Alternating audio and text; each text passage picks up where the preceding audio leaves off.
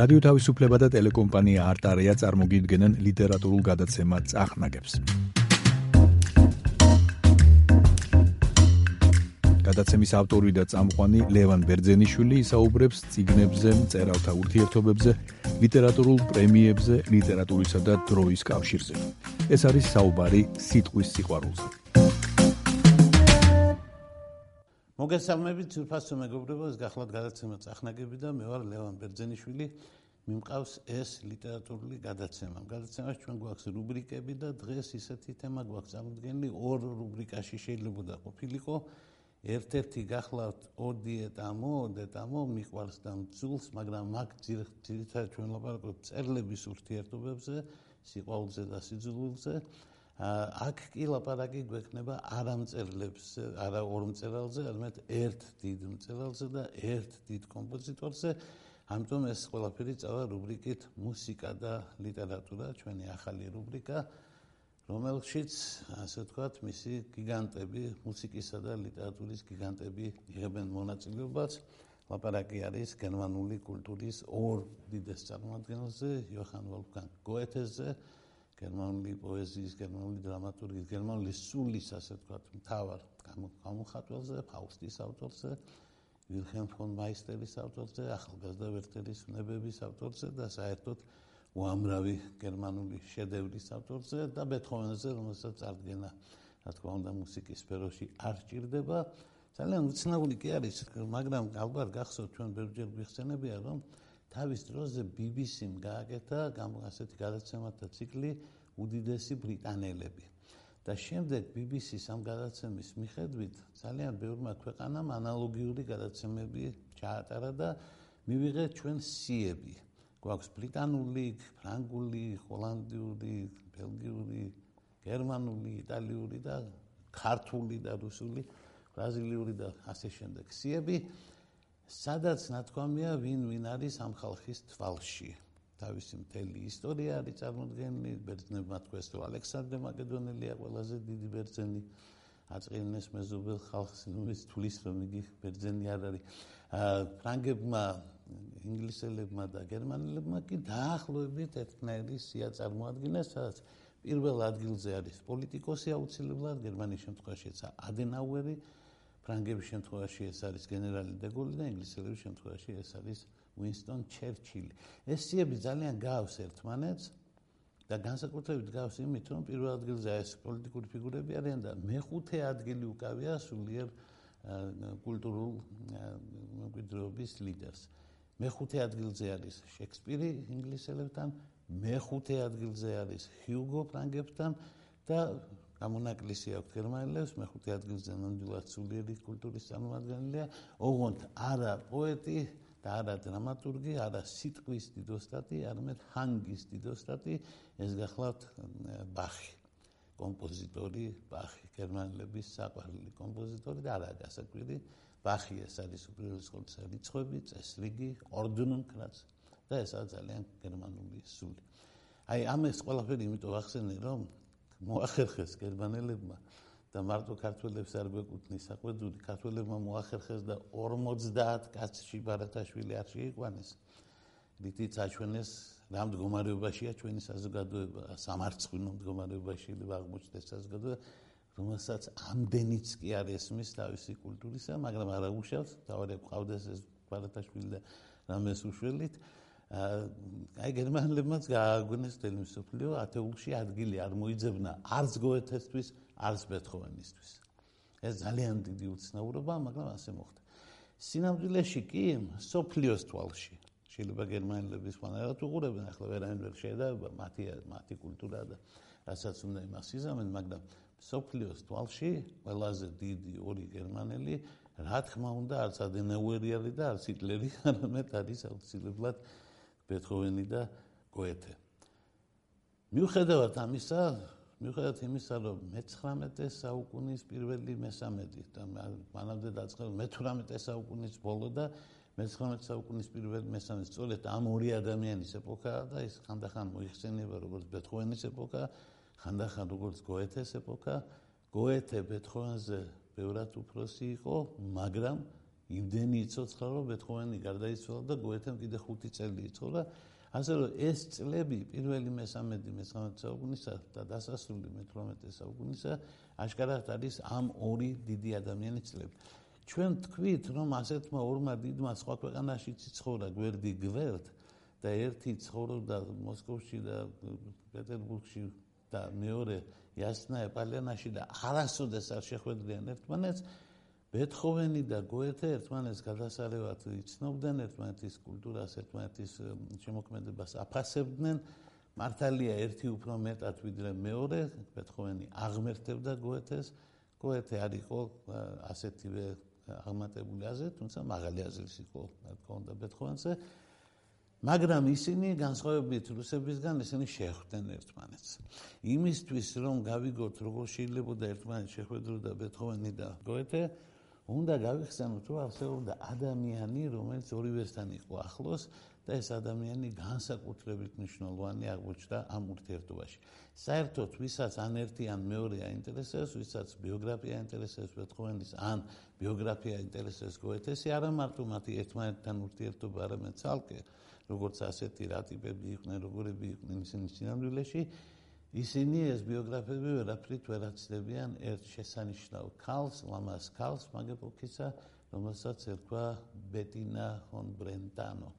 ქალბატონი ბეტინა ბრენტანო შემდგომში კვლის გვარზე იყო მართალია, იყო ელისაბედი იყო მის სახელი, მაგრამ ბეტინა, ასე ვთქვათ, ამ შემოკლებული ფორმა მოწონდა მას და დაამკვიდრა და ამ სახელით არის ცნობილი, ცნობილი ფრანკფურტელი ბანკირის, რომელიც მე ვენაში გადავიდა და მოღვაწეობდა, ბატონი ბრენტანოს არტურო ფონ ბრენტანოს დაგახლდა და ჩავიდა მასთან, როდესაც ის უკანასკნელი ვენაში მოღვაწეობდა. მოგესალმებათ, ბეთჰოვენი ვენაში მოღვაწეობდა და ცხოვრობდა ხოლო ამავე პერიოდში რა თქმა უნდა ვაიმარში ცხოვრობდა გოეთე ასე რომ ესენი ძალიან ძნელად უშეხვდებოდნენ ერთმანეთს მაგრამ ბეტინამ რომ რომელსაც უკვე ქონდა ურთიერთობა გოეთესთან საჩუეს ეს ურთიერთობა ძალიან საინტერესო და რომანტიკული იმით არის რომ ბეტინას მამამ ასევე ბანკირმა კაცმა ულამაზესი ქალი მაქსიმილიანე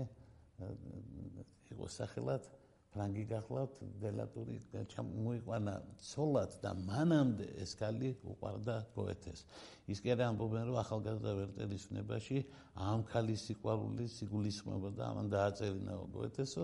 ვერ გეტყვით მაგრამ გოეთეს არ გაყვა. ეს კალი გაყვა ბანკირს. თავიდანვე თქობა ძალიან პრაქტიკული გონების ხალხი იყვნენ ესენი შემდგომში ბრენტანოს კალბატონის პეტინას დედა და ბეტინა კი, რომელიც დედამის გავდა ძალიან დაუახლოვდა გოეთეს. და გამოაქვეყნა ციგნი შემდგომში, რომელსაც ქვია მიმოწერა გოეთესი ბავშვთან და ბავშვი თავის თავს გულისხმობს, თუმცა დიდი ბავშვი უკვე აღარ იყო და იყო იგი უკვე ქალი იყო ჩამოყალიბებული, მაგრამ ურთიერთობა მას გოეთესთან უკვე ჰქონდა. გოეთესთან ურთიერთობისას მიმოწერაში მან ბევრჯერ აღწერა ბეთჰოვენი, რომელსაც პირადად არ იცნობდა.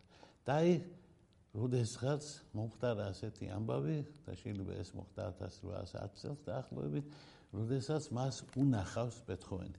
არის ორი ცნობა, ერთი ისტორიული, რომ იგი თავის ძალთან ერთად მივიდა ბეთჰოვენთან, საქმე ის არის, რომ ადგილობრივი ბანკირი ბრენტანო ეხმარებოდა გოეთეს, ბეთჰოვენს, ბეთჰოვენს ძალიან ბევრი კაცი ყავდა, ვინც ეხმარებოდა და კიდე კარგი ეს მეცენატები რო არცეულდნენ, იმიტომ რომ ბეთჰოვენი ძალიან ღარიბი იყო, მოგეხსენებათ, გოეთესგან განსხვავებით, აქაც ზუსტად ისეთი განსხვავება მათ შორის, როგორც ტოლსტოისა და დოსტოევსკის შორის, ტოლსტოი იყო უდიდესი და ჰონორარებით განებიურებული და დოსტოევსკი. არა, აქაც გოეთე იყო უდიდესი, იყო დიდი არისტოკრატი და ძალიან მინისტრი და ასე შემდეგ და ფული არ აქვს და და ბეთჰოვენი იყო კაცი, რომელიც ძმას და მეგობრებს ინახავდა, მაგრამ ფული მიზღებში არ ქონდა და ძალიან გაჭირვებული ცხოვრობდა.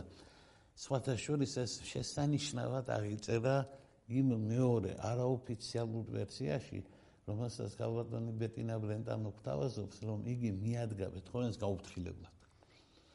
და ბეთჰოვენს კარი გაუღია, მარტო იყო, კარი გაუღია და წერს იპარსავდა. სახში იყო ავრეულობა.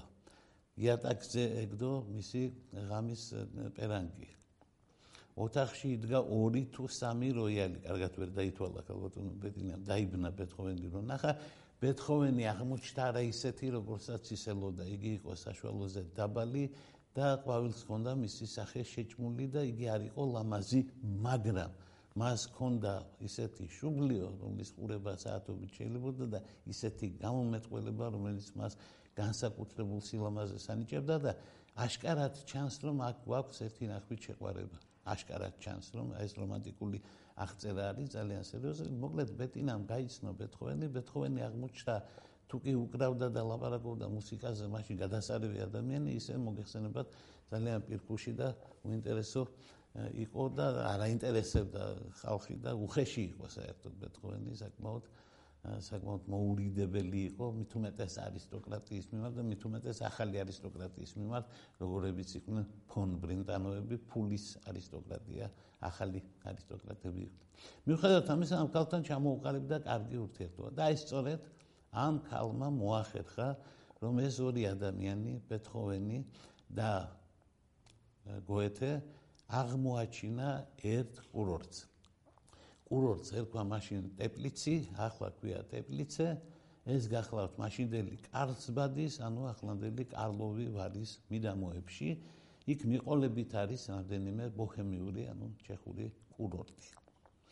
მე ვინაიდან ამ კურორტებზე დამყოფი კაცი ვარ და გული გამხეთქია მის გამო რომ ადრე აქ ბეთჰოვენები იყვნენ მოსალოდნელი და მოცარტები და გოეთეები და ახლა რუსეთის ფსბ-ი არის ავსე და მათი ქართველი მეგობრები. აი ეს ტერიტორია სხვა ხალხს აქვს ახლა ათვისებული და გულსატკენია, თუმცა იქ ჩამოდიან ხანდახან ცნობილი პირების ნაჩენი სოფლერდან ადრე ძირითადად ეს გერმანული არისტოკრატიის დასასვენებელი ადგილი იყო და გოეთე ხშირად ისვენებდა ხოლმე ასეთ ადგილებში. ბეთჰოვენი პირველად აღმოჩნდა და უკანასკნელად, იმიტომ რომ ბეთჰოვენს დასვენებისთვის კი არა, ჭამას მისთვის უჭირდა ფული. აი ბეთჰოვენი არის ტეპლიცში და გოეთეც არის ტეპლიცში და ალბატონმა ბრენტანომ იკისრა და შეახვედრა ისინი ერთმანეთს. მათ პირველ დღეს იმდენი ილაპარაკეს, რომ ყოველგვარი მოლაპარაკების გარეშე მეორე და მესამე დღესაც შეხვდნენ ერთმანეთს. ოღონდ ნელ-ნელა გამოიკვეთა აი რა. ბეთჰოვენი ბავშვობიდან აღმერთებდა გოეთეს და გოეთე იყო მისი კერპი. გოეთე მიცოდა ბეთჰოვენის მუსიკა და მას პატივს სცემდა. როცა ერთმანეთს შეხვდნენ, წინ წამოიწია პიროვნულმა ამბებმა და ამ შეხვედრით არც ერთი მხარე არ დარჩა ბედნიერი. ანუ გოეთეს მოეჩვენა, რომ ბეთჰოვენი მეტისმეტად პირდაპირი და უცხრი პიროა, ხოლო ბეთჰოვენს მოეჩვენა, რომ გოეთე მეტისმეტად ლოიალურია და მან ერთ წელში დაწერა, რომ ისე ექცევა იმპერატორსა და ისე იქცევა თუ პოეტები ასე იქცევიან კომპოზიტორებმა და სხვა მანჭია და მაიმუნმა ხალხმა რა უნდა ქნას? ანუ მას არ მოეწონა გოეთეს ესეთი სოლიდური დამოკიდებულება იმპერატორისადმი ამის შემდეგ ყველა ენციკლოპედიაში ყველა ბიოგრაფიაში გოეთეს იქნება თუ ბეთჰოვენის იქნება ყველგან წერია ერთი ეპიზოდი რომელიც როგორც მე შეისწავლეს მეცნიერებმა ალბათ არ ყოფილა მაგრამ ეპიზოდი ძალიან საინტერესოა და ხშირად აღიწერება და ბევრია მასზე ნაწერი. თქვენ რომ მაგალითად ვიკიპედიას უთხრათ გოეთე და ბეთჰოვენი ტეპლიცში იმ წუთას ამოვა ეს ეპიზოდი. ეპიზოდი ასეთია. მოდიან გოეთე და ბეთჰოვენი საუბრობენ მაღალ მატერიებზე. ამ დროს გამოჩნდა იმპერატორის ოჯახი. არის ვარიანტები, რომ იმპერატორი კი არა, სხვა ვიღაცები, მაგრამ არისტოკრატია, მაგალი. მაგრამ ძირითად ვერსიაში იმპერატორი მეუღლითურთა შვილებით. რო დაინახა იმპერატორი, გოეთე გაჩერდა, ხუდი მოიხადა და თავი დახარა. სანამ ისინი ჩავიდნენ. ხოლო ბეთჰოვენმა გააგრძელა გზა და პირდაპირ იმპერატორსა და მის მეუღლეს შორის გაიარა. არ მიესალმა. ხელი წაიღო კუდისკენ. მაგრამ თავის მოხდა და გაჩერება და თავის დაკრა იმპერატორმა ისე ჩაიარა გოეთეს ყურადღებაც არ მიაქცია, ხოლო გამოხედა ვინმე რუდოლფმა, რომელიც ხაჩურის იმ სამი კაციდან ვინც დაიფიცა, რომ ცხოვრების ბოლომდე შეინახავდა ბეთჰოვენს ერთ-ერთი იყო. ანუ ბეთჰოვენის სამი მუდმივი მეცენატიდან ერთ-ერთი ხო ჩვენ ამას საკმაოდ დიდი თანხა გამოყვეს მაგრამ ფულმა დევალვაცია განიცადა და ეს თანხა არაფერი აღმოჩნდა ბეთჰოვენი დადიოდა და თითოეულს ეხმეწებოდა ინდექსირება გაეკეთებინათ. ანუ ფული აეყვანათ იმ დონეზე რაოდენობრივად რომელიც მაქსიმალური მსყიდველობით უნარი იქნებოდა იგივე. არ ვიცი მაშინ რომელ ვალუტას ადარებდა და რა სიტყობდა მაგრამ მას მან ვერ მიაღწია თუმცა არ შეწყვა იმიტომ ძალიან უჭირდა იყო თუ არა ეს ეპიზოდი? პირველ ყოვლისა უნდა გითხრათ რომ ეს ის პერიოდია როდესაც ბეთჰოვენს ძალიან უჭირდა და სენელი წარმოსადგენია მაგდროს იმპერატორთან ასეთ თავხედობა გამოეჩინა. ეს ერთი. თორემ ისე იმპერატორი მას არ უყვარდა. ისე როგორც უნდა ვთქვათ სიმართლე იმპერატორი ვერ იტანდა ბეთჰოვენს. მაგრამ იქ იყო იმპერატორის მეუღლე, რომელიც აღმერთებდა ბეთჰოვენს და ბეთჰოვენმა ეს იცოდა და იმპერატორის მეუღლეს ძალიან სერიოზულ პატივს სცემდა.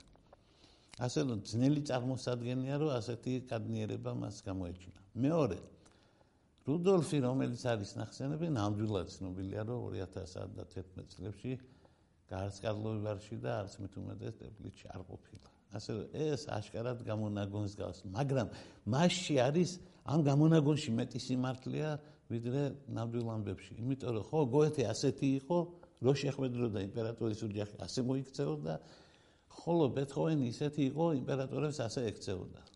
ასე მოიქცა იგი ნაპოლეონს, ასე მოიქცა რეალურად იმპერატორს როცა შეხვდა, ასე რომ გასაკვირი არ არის, რომ ასე ყოფილიყო, ეს ამბავი არ ყოფილა, მაგრამ ღირსია იმისა, რომ ყოფილიყო. შეიძლება იყოს კიდევაც რაღაც, მაგრამ თან გითხრა ძალიან ძნელი სათქმელია, მაგრამ უფრო გავს რომ არა.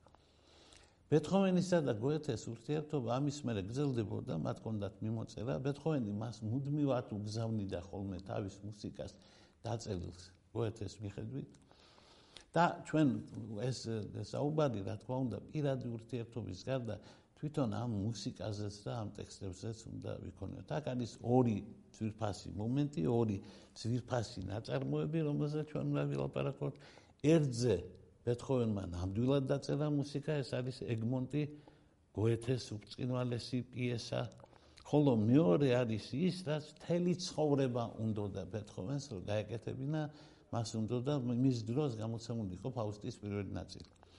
ფაუსტის მეორე ნაწილი მას არ მოსწრებია, ბეთჰოვენი გარდაიცვალა და გოეთემ იგი მერე გამოაქვეყნა და გამოქვეყნებიდან მალე თვითონაც გარდაიცვალა.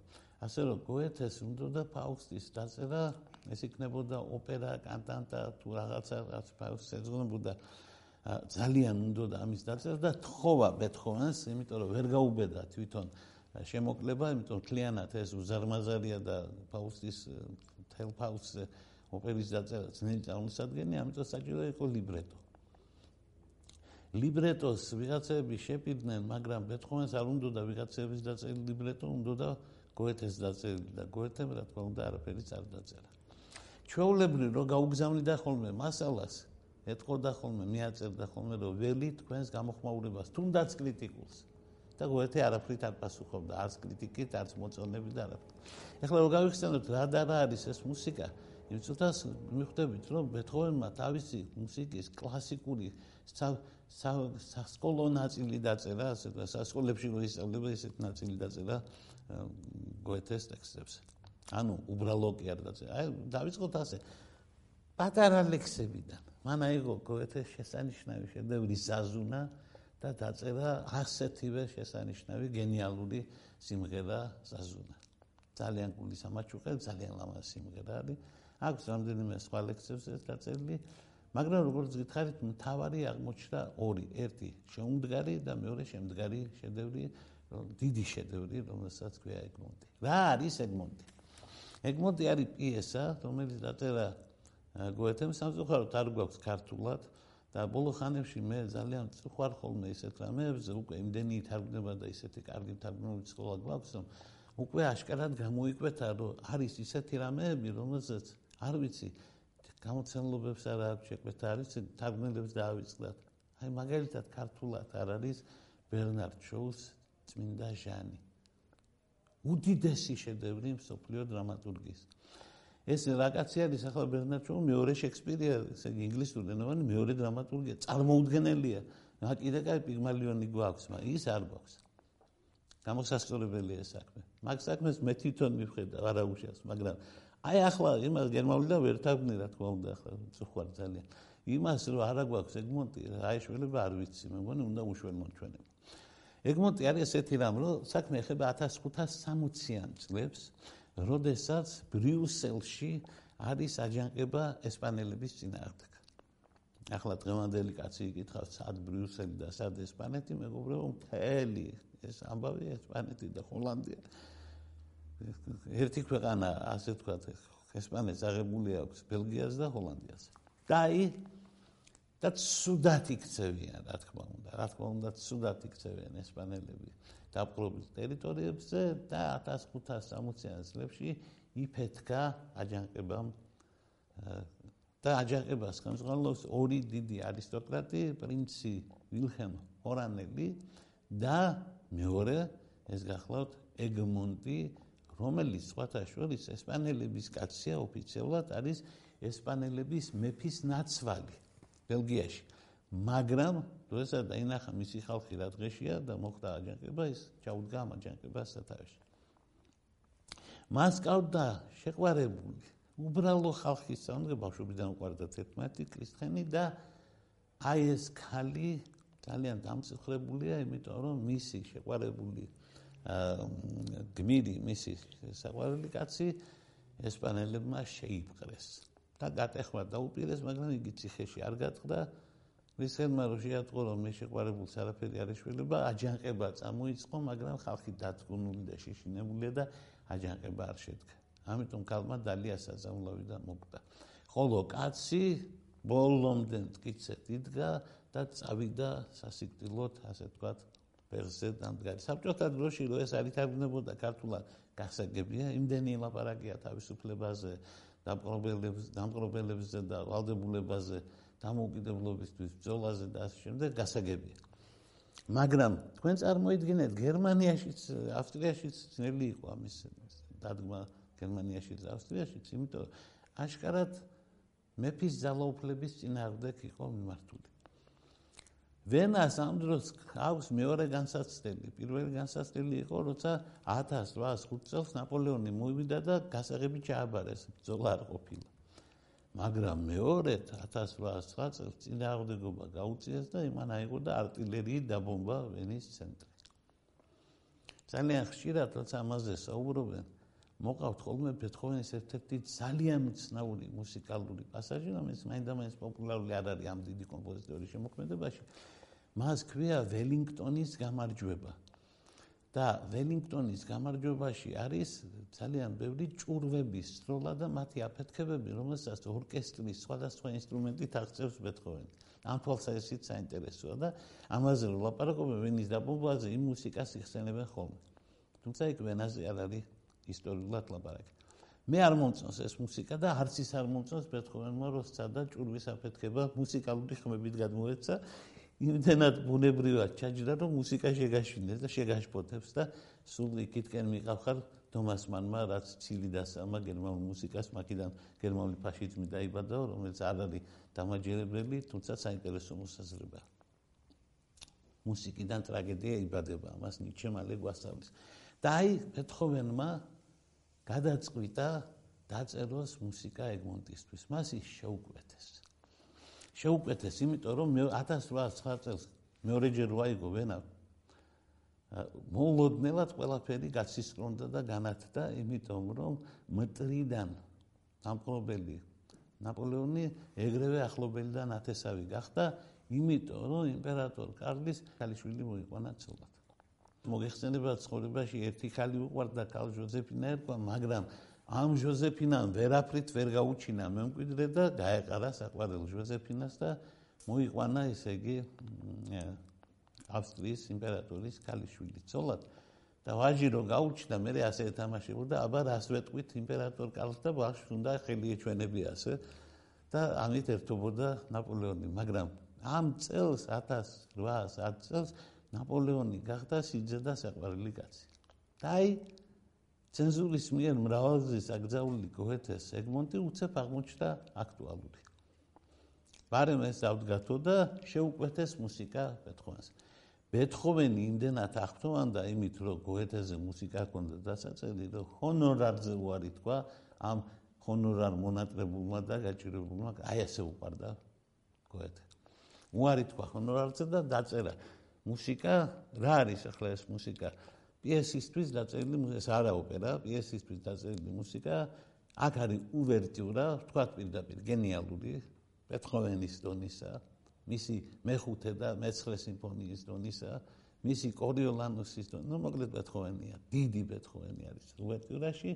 აქ არის კრხენის ორი სიმღერა და აქ არის სხვადასხვა ეპიზოდის მუსიკალური ანტრაქტი.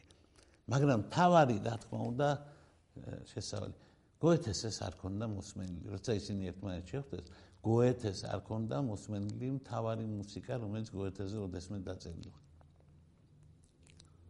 შემდეგ გაუგზავნა ბეთჰოვენმა. სხვათა შორის მინდა გითხრათ, რომ ეს მუსიკა არსებობს ბევრი ვარიანტი. ნოტები რო ნახოთ, არის ორკესტრისთვის რაც სრულდება ხოლმე და როგორც წესი გრამოფონის ან ემის ან იმის გამარჯვებული ხდება ხოლმე ამის შემსრულებელი ძალიან ხშირად დიდი მუსიკა, მაგრამ არის იმდენჯერ გადაკეთებული რომ ბოლოს და ბოლოს ვერსია არის სასულე მუსიკისთვისაც კი, ანუ თქვენ რო სადმე მუშტაიტის ბახში ხართ, იქ შეიძლება მოულოდნელ სასულე ინსტრუმენტებზე ბეთჰოვენის ეგმონტის შემოგთავაზონ. ნახ, საქართველოს ეს არ მინახავს, მაგრამ ვენაში სწორედ მინახავს და გაუგნებულიც კი დარჩენილა იმდენად აკლია ხოლმე ტრაგიკული ნოტები ამ ორკესტრს. ეს არის უაღრესად ტრაგიკული და უაღრესად ჰეროიკული მუსიკა. თითქმის მთლიანად შინაარსიანი მუსიკა. ანუ მუსიკაში ძალიან ძნელია შინაარსი დანახვა და აქ შეუძლებელია მისი არ დანახვა. არის სარაბანდათი იწება მძიმე ესპანური ცეკვის ფორმით, მასში არის ტრაგიკული და სასტიკი ელემენტები და მერე გადადის ჰეროიკაში, ანუ ესპანელებით იწება და აჯანყებული ბელგიელებით და ეგმონტით თავდა უწიდვალესი მუსიკაა, როგორც გითხარით. მაგრამ არ მოყვა ამას ის საფრთხოვანება, რომელიც გოეთესგან უნდა ყოფილიყო, არ მოყვა. არ არ აღთოვანდა გოეთე. დაიდგა ეს პიესა, ჰქონდა მას დიდი წარმატება, მაგრამ როგორც კი ცენზურა გაძლიერდა, იგზავნოდა იმის მერე არავის არ გახსენებია, მაგრამ ბეთჰოვენის უვერტიურა არ იქნა არასოდეს დაიწყებული. მეორე რაზეც მთელი ცხოვრება წამოიწყებდა ხოლმე და ოცნებობდა ბეთჰოვენი და დარჩენილი არის მარტო ერთი პატარა რამ, ეს არის სახუმარო, ძალიან ირონიული და მუსიკალური თვალსაზრისით გენიალური მეფისტოფელისა და რწყილის ამბავი. აი ეს სიმღერა დაწერა, მაგრამ დანჩენი ფაუსტიდან არაფერი არ დაუწერია. ეკერმანისთან საუბრებში გოეთენს ეკერმანმა კითხა, არის თუ არა ვინმე კომპოზიტორი, ან იყო თუ არა ვინმე კომპოზიტორი, ვისაც შეეძლო ფაუსტი დაეწერა და გოეთემ უპასუხა, რომ ასეთი კომპოზიტორი იყო და მან დაასახელა მოცარტი. მე არ მიკვლის გოეთეს ეს პასუხი თუ დონ ჯოანის გავიხსენებთ მოცარტს ჰქონდა ტრაგიზმის ის განცდა რომელიც ფაულს დაწერდა მაგრამ ერთადერთი კომპოზიტორი დედამიწის ზურგზე ვისაც შეერლო სინამდვილეში ფაუსტი დაეწერა კი დაწერა სპერლიოზმა და გუნომ და კიდე უამრავ ვინმე საათ ფაუსტზე დაწერილი ვაგნერსა და თვითონ ბეთჰოვენსაც ცოტა მაგრამ მაინც მაგრამ ერთადერთი კაცი ვისაც შეერლო ეს მასალა დაეძლია იყო კაცი, რომელიც გოეთეს ცოცხალ ღმერთად, ადამიან ღმერთად თვლიდა და ერქვა მას ლუდვიგ ბეთჰოვენი. სამწუხაროდ ეს არ არის ერთადერთი შემთხვევა მსოფლიო კულტურაში, როდესაც ის რაც ასე ნათლად ჩანს, რომ უნდა მოხდარიყო, არ მოხდა. ბეთჰოვენს ფაუსტი არ დაუწერია, გოეთეს ბეთჰოვენი არ გაუღმერთებია და ისინი დარჩნენ, ასე ვთქვათ, ადამიანებად, რომელიც პატივსცემდნენ ერთმანეთს, ერთი უფრო მეტად, მეორე უფრო ნაკლებად. მაგრამ რომლებიც განურჩევლად იმისა რა აზრის არიან ერთმანეთზე რჩებიან გერმანული კულტურის უდიდეს წარმომადგენლებად გერმანია ევროპის ერთ-ერთი ყველაზე მნიშვნელოვანი ქვეყანაა და პოლიტიკური თვალსაზრისით კონტინენტურ ევროპაში მაგაზე მნიშვნელოვანი ქვეყანა არ არსებობს და თუნდაც არა კონტინენტური დიდი ბრიტანეთის ჩაფრთით რა თქმა უნდა ეს ევროპის ცენტრალური და ყველაზე მნიშვნელოვანი ქვეყანაა მაგრამ იგი მნიშვნელოვანია არა მხოლოდ პოლიტიკურად, იგი მნიშვნელოვანია კულტურულად და ამ კულტურის მნიშვნელობის ორ ყველაზე დიდ წერტილს და სახელს ქვია იოჰან ვოლფგანგ გოეთე და ლუდვიგ ვან ბეთჰოვენი.